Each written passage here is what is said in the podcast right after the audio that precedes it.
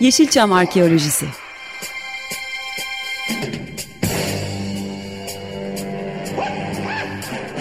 Türk sineması ve Yeşilçam'ın besin kaynakları, emekçileri ve kıyıda köşede kalmış hikayeleri.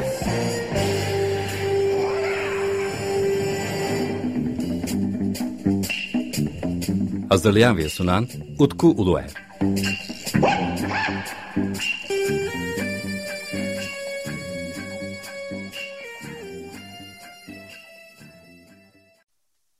Yeşilçam Arkeolojisi'ne hoş geldiniz. Yılmaz Şerif bizlerle. Hoş geldiniz efendim. Çok teşekkür ederim. Sağ olun, var olun. İyi söyleşiler Hı. diliyorum. Yılmaz Şerif e, senelerin emektarı, Yeşilçam emektarı ve e, sanırım 1960'lardan beridir Yeşilçam içerisinde. 68'de e, İstanbul'a merhaba dedim. Hı. Daha doğrusu Yeşilçam'a. O üç aylık süre içerisinde 68'in askerden gelmiştim. Sonlarına doğru yani 69'a 2-3 ay kala. Hı hı. İlk hedefim Yeşilçam'a yakın bir yer buldum. Oraya yerleştim. Her, her günüm Yeşilçam'da geçiyordu. Oyuncuları tanımıyorum. Yani bir samimiyetim yok. Filmlerden tanıyorum. Fakat böyle bir tanışmışlığım yok. Önce sokağa teneffüs ettim. Tek tük arkadaşlar edindim kavgacılardan filan. 68'in sonunda 69'a girerken e, Yılmaz Boru olarak 6-7 filmde oynadım. Ondan sonra şansım farklı yönlere götürdü beni. Ama oynadığım rollerde e, küçük küçük rollerdi. Yani öyle ahım şahım Yeşilçam bana o Yılmaz Şerif hoş geldin demedi. Buradan ben şükranlarımı sunuyorum. İlk yönetmenim Yılmaz Atadeniz. Tanrıdağ film. Çakırcalı Mehmet Efe filminde Kartal Tipet'in Efe'lerinden birini oynadım ben. Ödemiş İzmir dağlarında o taraflarda çekildi. Filmin çekimi o zaman İzmir Ödemiş'te. 1969. Evet 1969 yılında muhteşem bir kadro vardı. Muhteşem bir kadro vardı. Hı. Hülya Darcan hanımefendi, Kartal Tibet, Yılmaz Köksal, Süleyman Turan, Deha Yurdakul. Yani saymakla bitmeyecek bir kadro. Aralarında da ben Yılmaz olarak katıldım. Bir gün, o, bir gün. O, o zaman efendim şöyle toparlayalım. Matematikselde bir hata yapmamış olayım ben. Sizin e, oyuncu olarak e, sinema kariyeriniz 52 yıldan beri o zaman değil mi? Aş, 52. Aşağı yukarı. Şu an 52. 75 yaşındayım. Evet. Ona göre hesap yaparsınız yani. 75. Önemli değil 50 yıl 40 yıl. Önemli olan hedeflediğim yol haritasında aktör olmak, oyuncu olmak yatıyordu. Onu yerine getirdiğim için ben mutluyum. Ha, zirveden bıraktım, aşağıdan bıraktım, ortadan bıraktım hiç umurumda değil. Ben tatmin oldum. Olmaya da devam ediyorum. Çok da güzel teklifler geliyor pandemiden dolayı. Bazıları iptal oldu. Beklemek mecburiyetindeyiz. Ben çok mutluyum. Yeşilçam'a normalde 69'da merhaba dedim. Gerçekten yani bir e, oyuncu olarak yer aldığınız film o zaman Çakırcalı a, Mehmet Efe değil mi? İlk filmi. Evet. İlk oynadığı film. Çakırcalı'nın Efe'lerinden biriydi. Bir tek yerde bir rep, repliğim var. Bir tepeye çıkıyorum. Efendim burada da geçit yok diyorum. Ama o film bana e, bir ilkokul öğrencisinin ilk aldığı derslere dikkatle kendini verirse öğrendikleri kadar bana katkı sağladı. Çok şey katkı sağladı. Onların oyun güçleri çünkü çok geniş bir kadroydu. Evet. Ben benim işim bittiği zaman gitmiyordum. Ben oturuyordum sette. İlk yıllarımı anlatıyorum. Oyuncuları izliyordum. Davranışlarını, konuşmalarını, hangi sahnede yüz ifadeleri nasıl olacak, beden dillerini bunlar çok önemliydi benim için. Yani ilk filmlerim e, Çakırcalı Mehmet Efe, Zoro Zoro Kamçılı Suvari, Eba Müslüm, hı hı. Malkoçoğlu Akıncılar geliyor, Osmanlı Kartalı, Ringo Vadiler Aslan. Bu filmlerden sonra hemen akabinde Nazan Şoray, Tarık Tibet'le çift yönlü bir filme başladım. Yönetmenimiz Suat Yusuf idi. Şu an İngiltere'de yaşıyor. Tabii o benim bu filmleri izlemiş. Yalnız bana bir soru sordu. Yılmaz dedi. Yılmaz Bora olarak mı başlamak istersin? Yoksa farklı bir soyad mı kullanırsın? Ben de birkaç şey duyurmuştum. Mekanı cennet olsun. Ekrem abi bizim eniştemiz sayılır. Pamukçuların kızıyla evlendi. İşte Yılmaz Köksal'a da rahmetli onu demiştim. O dedi bana ben Yılmaz Köksal. Gerçek soyadım Göksal. Hı. Yılmaz Göksal. Bilen. E dedim Bora'ya aa iyi olur dedi. Bora olarak bu 6-7 filmde oynadım ben. Amber Kanlı Beşik filminde Nazan Şoray hanımefendiyle Tarık Tibet beyefendiyle çift yönlü bir filme başladı. O filmden sonra benim biraz yıldızım parladı.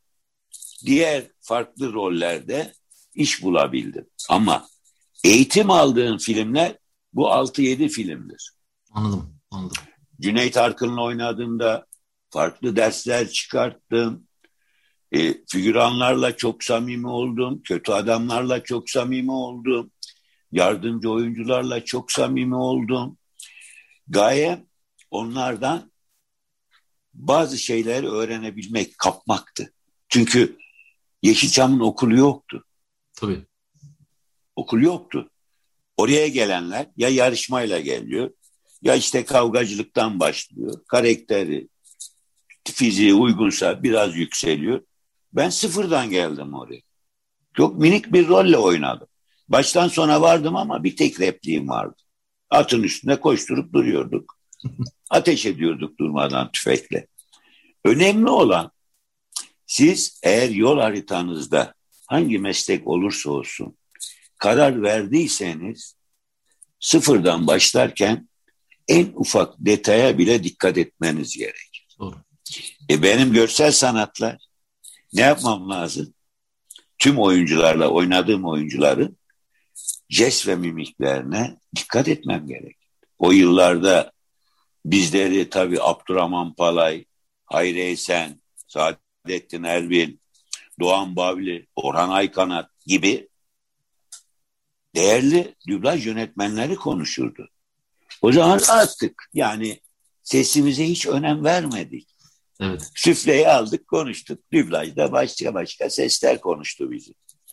Ona hiç önem vermedim. Keşke verseydim. Ben sadece sette oyunculara dikkat ediyordum. Bu 6-7 filmde. Özellikle dikkat ettim. Belki de o bana yardımcı oldu. Belki o filmler bana katkı sağladı. Çünkü ben sıfırdan gelmiştim. Evet. Eğitimsiz, sıfırdan Yeşilçam'a merhaba dedim. Ve ufak bir rolle başladım. Evet efendim. 1946 Adana doğumlusunuz ee, ve doğrudur. 46 yılında Adana'da doğdum. O zaman 20'li yaşlarınızın başında İstanbul'a gelerek de hayalinizi gerçekleştirmişsiniz ama benim tabii merak ettiğim noktalardan bir tanesi bu hayal oluşmasına sebep olan şeyler neydi? Hani Adana zaten evet. bereketli topraklar diyoruz Adana için ama Yeşilçam evet. için de en bereketli yer Adana belki de.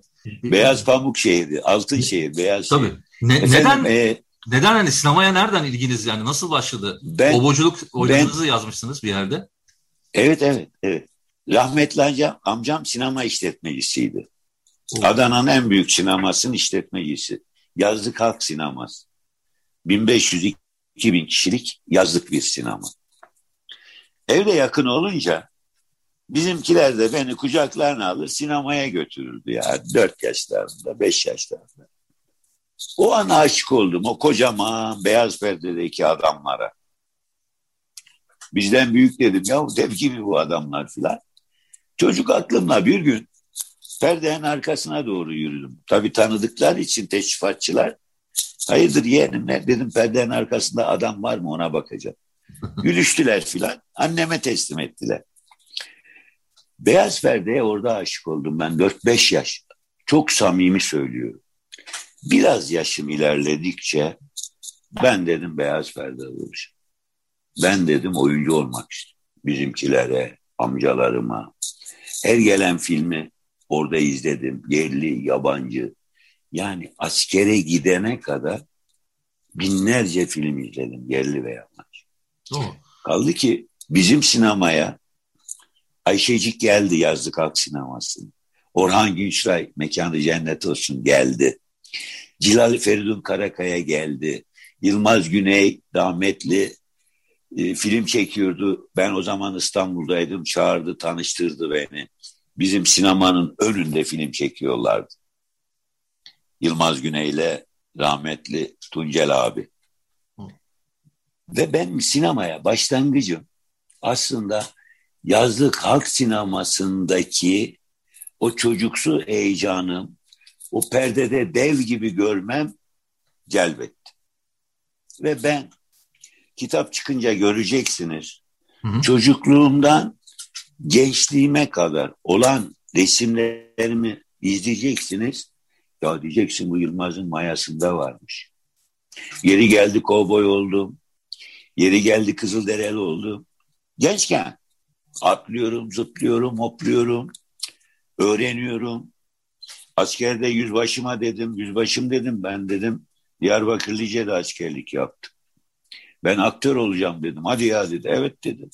66-67 yılları. Orada altı tane süvari atımız vardı. Ata binmesini öğrendim. Belimde silah vardı. Şofördüm ben çünkü. Çok iyi araba kullanmasını öğrendim. Ateş etmesini öğrendim. Yeri geldi dağdan inmesini öğrendik. Çünkü o yıllarda sadece kaçakçılık ve kan davası vardı o taraflarda, doğu tarafında. Evet. E, askerlikte 24 ay olunca tüm eğitimimi de, bedensel eğitimimi de orada kazandım. Şey, pardon. Buyurun. O, o dönemde e, yani idol olarak aldığınız hani şu oyuncuya benzemek istiyorum dediğiniz bir oyuncu var mıydı o dönemlerde? Var. Defalarca filminde ağladım Hüseyin Peyda. Hüseyin Peyda. Söyleyin anama ağlamasın, mezarımı taştan oyun, Kubilay. Hatta ee, gö gözlerini de bana benzetirlerdi. Çok samimi olduk ama kısmet olmadı birlikte film yapmak. Ha birlikte filminiz olmadı. Oo. Olmadı evet. Heyecanlı dönemler Yılmaz Güney'le peki? Abi kardeş dostluğumuz oldu ama sen dedi kendi e, kanatların üzerinde uç dedi. Arap Mithat'ın kankasıydı amcamın. E, eski filmciler çok iyi bilir. Mithat Göksal. Evet. Halk sinemasının işletmecisi. E, kısmet olmadı onunla da. Setine davet etti birkaç kere gittim setine de. Birlikte oynamadık yani. Kısmet olmadı. Sanırım sinemanın önünde çekilmiş Hudutların Kanunu filmi olabilir mi? Yok hayır değil. Ondan önce, ondan araba vardı onların altında araba. Hani bir çocuğa çarpma falan hikayesi oluyor o filmin. Bir, bir araba Adana'da çekilen bir Adana'da film. evet. Evet evet. Anladım. Dilimin ucunda ama tam toparlayamadım hatırlayamadım. Peki Yılmaz Duru yine Adana'dan gidersek. Yılmaz abiyle de Aytaç Arman'la da Allah rahmet eylesin. Yani birlikte oynamadık ama bir merhabamız vardı. Rahmetli Bilal İnci Mersin'e geldi davet ettim ölmeden önce. Aynı filmde oynadık. Birlikteliğim var. E, ama şimdi öyle bir e, şeydi ki aynı anda bir yerde olamıyorduk. Evet. Yani aynı anda Yeşilçam'da olamıyorduk zaten. Farklı farklı günlerde Yeşilçam'da olabiliyorduk. O sokaklarda olabiliyorduk. Ancak e, prodüksiyon amirleri firmanın davetiyle bize geldiği zaman gidiyorduk. Bazen de ki ben çok özlerdim o sokağı. Bazen işim olmadan da giderdim. Yani o an film çalışmam yok. Boştayım. İlla o sokağın havasını alacağım. Ağa Cami, Parmak Kapı, Yeşilçam Sokak, Galatasaray Sokağı. Ya, muhakkak alacağım derdim. Dolaşırdım. E, arkadaşlarla da söyleşi yapardık. Kendi aramızda, kafelerde, kıraathanelerde. Tabi bu kadar lüks değildi o zaman kafeler, kıraathaneler. Okey oynanırdı, tavla oynanırdı, kağıt oynanırdı. Öyle e, hasret giderebilirdik. Tabii şimdi Adan Adana'dan yani Adana'da olduğunuz için şöyle bir durum daha var. Bu Yeşilçam arkeolojisi programına başladıktan sonra özellikle Adana bölgesinin çok önemli olduğunu e, yeniden keşfetmeye başladım. Hani efendim ben 74 doğumluyum. E, çok fazla, çoğu filmi tabii ki sinemada izleme şansına erişemedim. Ama bizim de özellikle 80 darbesinden sonra e, yani geçmişle ilgili çok fazla bilgi ulaşabilmediğimiz mümkün değildi. Onun için özellikle benim jenerasyonum ve benim jenerasyonumdan sonraki e, sonra gelen jenerasyonların hepsi bu e, dağıtım şirketleri ve e, işte Türkiye'de nasıl sinemaların işletmelere ve filmlerin işletmelere yönelik yapıldığını bilmiyorlar. Ben burada öğrendim ki gerçekten Adana çok önemliymiş. Ondan dolayı bir şekilde benim de özel bir ilgim de oldu aslında Adana bölgesiyle ilgili. Çünkü evet. İşletme dediğimiz zaman, aksiyon filmleri dediğimiz zaman sanırım Adana çok öne çıkıyor. Bilmem siz de hem fikir misiniz benimle ama. Aynı fikirdeyim. Ee, Adana bölgesi 21 vilayete bakıyordu. Yani 21 vilayette olan sinemaların sahipleri Adana bölgesinden gelip film alırlardı. Çok işletmeci var. Türkiye'nin her yerinde var. Zaten yedi bölgemiz vardı. E, dar filmi de sayıyorum. İşletmeciler, işletmeciler kendi senetleriyle bazen film yaptırırdı. İşte o zaman sizin dediğiniz ön plana çıkıyor. Atıyorum. E ben bir kovboy filmi istiyorum. Filan filan olsun. İşte ben sana şu kadar senet veriyorum şimdiden. Evet. Çünkü bizim o siyah beyaz ve renkli dönemde oynadığımız filmler genelde işletmeci bonolarıydı. İşletmeciden alınan bonolar bize verilirdi. Biz de Galatasaray'da toprağı bol olsun Ferdinand Bey vardı. Ona kırdırırdık. Evet. Tabii çok farklı olurdu. Şimdi niçin Adana? Çünkü en geniş doğuya ona bakıyor. Adana işletmecileri bak. Ve Adana'da e, o bahsettiğimiz yıllarda Türkiye genelinde 3000'e yakın yazlık ve kışlık sinemalar vardı. Ve bu sinemalar Adana olsun, diğer yazlık sinemalar olsun. Öyle 90-100 kişilik değil. 1000, 1500, 2000 kişilik sinemalar. O kadar geniş alanda. Salonlar. Kışlıklar da öyle. Dolayısıyla Adana işletmecisinin biraz hakkı ön plandaydı Yeşilçam'da. yani bundan dolayı. Karadeniz vardı, Marmara bölgesi vardı, Darfilm vardı, İzmir bölgesi, Ankara, Samsun bölgesi. Böyle bölgelere ayrılmıştı. Ve e, düne kadar da Adana'da birkaç işletmeci arkadaşımız işte yaşıyordu ama hakkın rahmetine kavuştu. Onlar da e, filmleri hurdacılara vermişler. Kalan filmleri. Afişler dağılmış. Evet. E, biz de Yeşilçam bitecek diye hiç düşünmedik. Yani kasetten toplayabilirdik. Sonradan çıkan DVD'den toplayabilirdik. Ama ne yazık ki benim 10 tane filmime ben ulaşamıyorum. Hı. Yok. Yani çok önemsediğim 10 tane film var. Ulaşamıyorum. Ha, hangileri efendim? Dönemdeki, ha, hangileri? Onları söyleyebilir misiniz? Hangi filmler? Tabii söylerim. Amber Kanlı Reşik, Asiler Kampı, e, Ölüme Son Adım, İki Cesur Adam, Ferican Sel Yıldırım Gencer'le, hı hı. Şahmeran, Üç Mahkum. Üç Mahkum. Bu arada Şahmeran evet. e, iki tane var. E, Türkan Şoraylı olan değil, sizin oynadığınız Şahmeran. Hayır, farklı yani. Evet. Afişi gönderdim bir gün sana. Evet, yani onun altını resmi... çizmek gerekiyor diye söyledim. Çünkü herkes bir tane Şahmeran filmi olduğunu zannediyor. Hayır, hayır. Sinemamızda daha fazla Biz e, biliyorsun Çukurova'nın efsanesidir o Şahmeran. E, Tarsus'ta Anavarza Yılanlı Kale'de çalıştık o film. Ve İranlı bir bayan şov yapıyordu o İranlarıyla. E, kısmet cam sapıda yani başroldeki oyuncu da bendim. Filmde rol gereği. Bizimki tamamen efsaneye dayalıydı. Türkan hanımefendininki çok farklıydı. Daha böyle otor sinemasının içerisinde böyle fantastik bir hikaye gibi ama sizinkisi birazcık daha aksiyon da içerisinde var sanırım. Pek aksiyon yoktu da yani çok bu arada filmi, aksiyon. Bu arada filmi izlediğimden dolayı söylemedim bunu. Çok özür dilerim efendim. Aslında sormam gerekiyor. Aksiyonda var mıydı diye sormam gerekiyor daha doğrusu. Yok yok pek aksiyon yoktu. Yani öyle ufak bir iki yerde küçük şeyler vardı yani. Pek aksiyon yoktu. Ama heyecan vardı, korku vardı.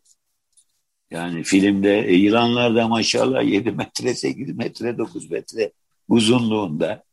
Ama Allah'a şükür kazasız belasız 34 günde çektik bitirdik işte. Kilios'ta çalıştık. Tarsus'ta çalıştık. Evet. E, Yılanlı Kale, Anavarza Kalesi'nde çalıştık. E, filmi bitirdik. İranlar aldı hatta ilk şeyi. Hmm. Şimdi o dönemdeki işletmeciler gerçekten eğer prodüktörün cebinde parası yoksa bölge işletmecilerden takviye alırdı. Yani onların bonolarından bana göre Yeşilçam'a emek veren tüm sanatçı dostlarım almıştır. Farklı farklı işletmelerin bonolarından almışlardı. Çünkü nakit para yoktu bizim dönemimizde. Yani çok büyük sürpriz nakit nerede? Senet veriliyordu. Dolayısıyla o yıllarda İstanbul'a ilk geldi sinemalar. İlk 1930'lu yıllarda baktılar ki çok halkın rağbet ettiği bir görsellik sonra ülkenin diğer taraflarına yayıldı. Bu yayılmada bazı garajlar bile yazlık sinema oldu.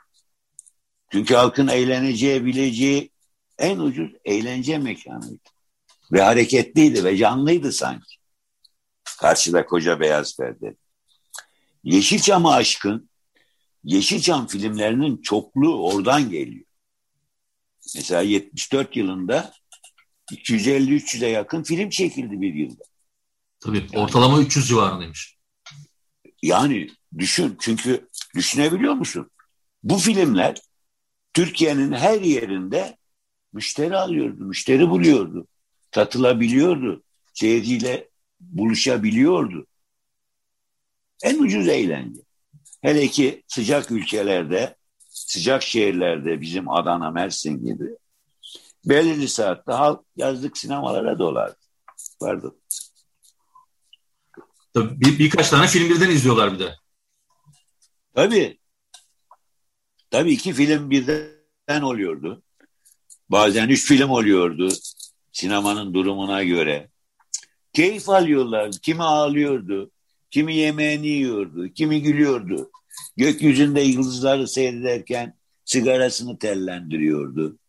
Yani çok garip bir ambiyans içinde koskoca beyaz perdede tüm oyuncuları dev gibi izliyoruz.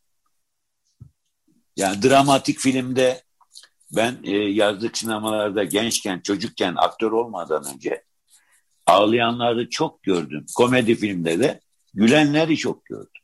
Küfür edenleri çok duydum. Kötü adamlar. Bela okuyanlar çok duydum. Küçükken, gençken. Sinemaya merhaba demeden önce. Korkunç bir halk talebi vardı. Ve her mahallede, her mahallede e, büyük tabelalar asılırdı. Bu akşam oynayacak filmlerin afişleri vardı. Onun yanında başka bir sinemanın afişleri. Halk bakardı. En çok hangi afişin önünde insan varsa çocuğun adresi o sinemaya gidelim demek o güzel ki herkes o afişe bakıyor. Bir de böyle durumlar vardı. Ben bunu çok yaşadım çocukken. Önemli. E, e, efendim bir şey merak ettim ben. Şimdi siz e, tabii bir sinemanın içinde büyümüşsünüz. Daha sonra sizin de işte yer aldığınız şu önemli bir film o, o sinemada gösterildiği zaman hani böyle merak edip orada izlemeye gittiniz mi? Gittim. Tabii ki gitti. Tamer abi öldürüyordu beni. Ringo Vadiler Hastanı'nda orada izledim. Oo süper. Tabii. Annem de Allah. Tamer et ben arkadan ateş edeceğim. Rol geri. O da hissediyor, duyuyor, dönüyor, beni öldürüyor. Ağladı kadın. Halbuki yanındayım yani. Beraber izliyoruz. Halk e, gerçekten tüm aktörleri kötü olsun, iyi olsun, ne olursa olsun bağırlarına basarlar. Yani farklı insanlardı onlar. Bir yol gösterici, bir akıl verici, iyi kötü ayırıcı, kötü adam, tamam bu kötü adam, bundan başka bir şey bekleme. İyi adam, bu iyi adam hep iyi oynuyor. Ama onlar da farkındaydı rol gereği bunların yapıldığını. Çünkü Yeşilçam'daki tüm kötü rolü oynayanlar pırıl pırıl kalplere sahip insanlar. Onlarla zamanında imkan olsaydı da görüşebilseydim. Hepsi pırlantaydı. Hepsi merhametli, güler yüzlü ama aşk işte, sevda onun içine o rol işlediği için gözü de bakışı da yani kamera motor dediği an değişiyordu oyuncunun. Tabii. Yani rahmetli Erol abimin dediği gibi bir gün buna taş atmışlar. Atın atın demiş. Bunlar benim için bir karanfil. Demek ki layıkıyla rolümü yaptım ki siz beni böyle taşlıyorsunuz. Yani öyle usta oyuncularla ben bir arada kaldım. Yani demin başlangıçta söylediğim gibi eğitimi oradan aldım ben.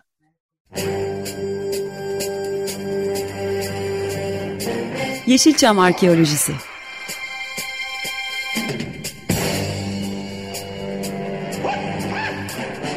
Türk sineması ve Yeşilçam'ın besin kaynakları, emekçileri ve kıyıda köşede kalmış hikayeleri.